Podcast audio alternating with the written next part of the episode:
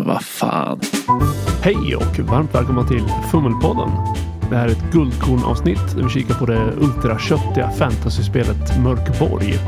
Det är skrivet av Pelle Nilsson med form av Johan Nor och vi ska försöka vaska fram lite spännande grejer. Då rullar vi igång. Jag heter Lukas och i det här avsnittet ska vi kika närmare på Mörkborg. Jag behöver kanske ingen introduktion. Det vann nyligen fyra Ennis, bland annat för bästa produkt och bästa form, bästa författande. Jag har ju pratat en hel del om det tidigare, lite överallt. Så jag tänkte försöka lyfta fram mer otippade grejer med det här spelet. Mörkborg beskriver sig själv som en dometalskiva i spelform, en spikklubba i ansiktet. Det är som sagt skrivet av Pelle Nilsson från Okult Örtmästare och formgivet av eh, Johan Nor från Stockholm Kartell. Det är Fria Ligan som ger ut det.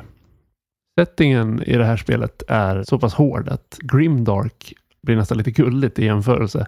Världen håller på att gå under, allt är misär. De spelbara klasserna är saker som slusk skapad i dike och eh, präst med fördömd tro.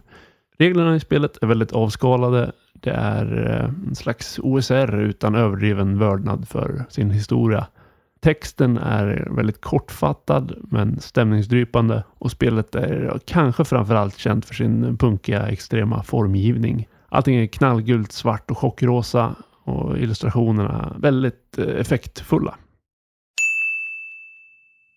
Första guldkornet är en grej som är min personliga favoritlösning i den här typen av hyfsat traditionella regelsystem. Och det är att alla handlingslag är spelarvända. Spelledaren slår inte för motståndare helt enkelt. Så när rollpersonerna blir anfallna, då måste de lyckas med ett försvarslag för att inte bli träffade. Och när de själva anfaller så då är det spelarna som slår tärningarna som vanligt. Jag upplever alltid att man får mycket mer agens som spelare, för det känns som att rollpersonerna är aktiva snarare än bara står och väntar på att bli träffade. Dessutom tycker jag att det känns mer rättvist på ett sätt eftersom det är inte spelledaren som är dum, utan du har fått en tydlig chans att förhindra det här som håller på att hända dig. Jag tycker även att det blir mycket mer spänning i slaget. Eh, just att sitta och vänta på att spelledaren ska slå slag, kanske bakom en skärm, tycker inte jag är särskilt spännande. Det är mycket roligare att göra det själv. Man är mycket mer investerad i slaget och sitter och väntar på resultatet på ett sätt som jag tycker är mer engagerande. Jag tror inte det är särskilt old school att alla de här handlingslagen spelar vända. Så jag tycker det är trevligt att Mörkborg har vågat ta sig lite friheter där. Det är ju en väldigt enkel ändring, men jag tycker att den ger påtagliga skillnader i känsla. Ett guldkorn som jag verkligen tycker om är att man har text på för och eftersättsbladet i boken. Alltså första och sista uppslagen. I många fall så har man liksom bara ett vitt papper där i en bok. Kanske i någon annan färg. Vissa spelar har någon bild eller en karta sådär. Men Mörkborg har som sagt innehåll. Det finns text där. Försättsbladet har slumptabeller för namn, skatter och lite annan lot, för väder och fällor. Och eftersättsbladet har en kort sammanfattning av alla regler samt bokens register. Det blir att det blir superlätt att hitta det mesta som man behöver under spel. Och det fyller egentligen en av funktionerna av en spelledarskärm utan att man behöver lägga extra pengar på det. Det finns någonting nice i att använda ett utrymme som ofta utelämnas annars. Fast egentligen är det kanske ett av de mest värdefulla utrymmena i en bok. Eftersom det är så lätt att hitta dem. Det är fantastiskt smidigt. Det borde nästan bli någon form av standard. Även om jag vet att det redan förekommer i en hel del andra spel också. En riktigt snygg detalj. Mörkborgs formgivning har jag pratat ganska mycket om. Men jag har ett guldkorn här som kanske är lite extra nördigt i egenskap av eh, bakgrund som informationsdesigner när jag fick den här boken så pratade jag med några om den. Det var flera som kritiserade att uh, ja, det var väldigt stökigt. Varje uppslag ser liksom helt annorlunda ut än det förra. Det är olika typsnitt, olika färger, saker ligger på olika ställen. Det finns ingen direkt kännbar struktur. Det var någon som beskrev det som grafisk whiplash varje gång man slog upp en ny sida. Å ena sidan kan man argumentera för att det är bra att hålla sig till en genomgående layout. Det känns liksom tryggt, det blir lätt att läsa. Det är tillgängligt helt enkelt. Å andra sidan, en effekt av sådana här extremskillnad på uppslagen är att det blir oerhört lätt att hitta. I Mörkborg, om jag vill slå upp sidan med vapenregler, då vet jag att, just ja, jag letar efter uppslaget med ett enormt lårben på vänstra sidan och någon stackars mörbultad herre som är genomborrad av alla möjliga vapen på högra sidan. Där finns vapenreglerna.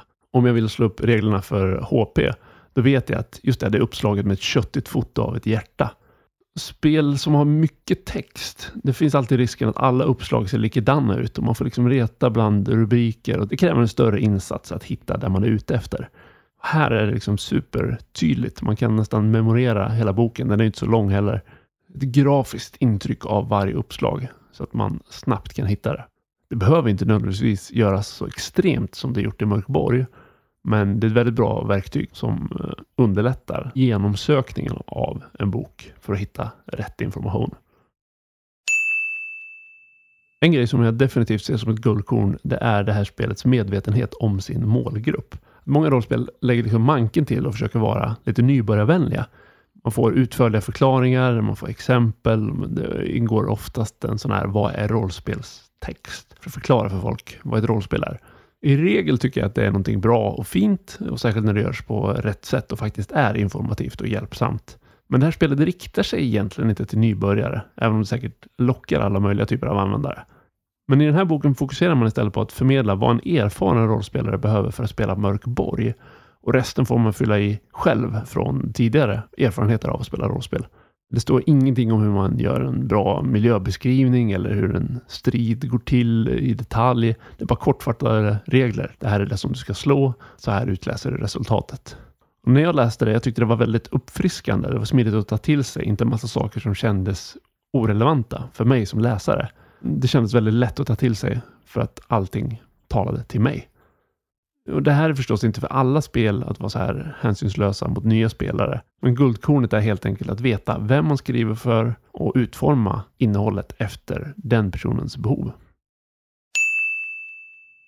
Slutligen ett guldkorn som inte finns i boken, men som jag tycker ändå är en del av spelet.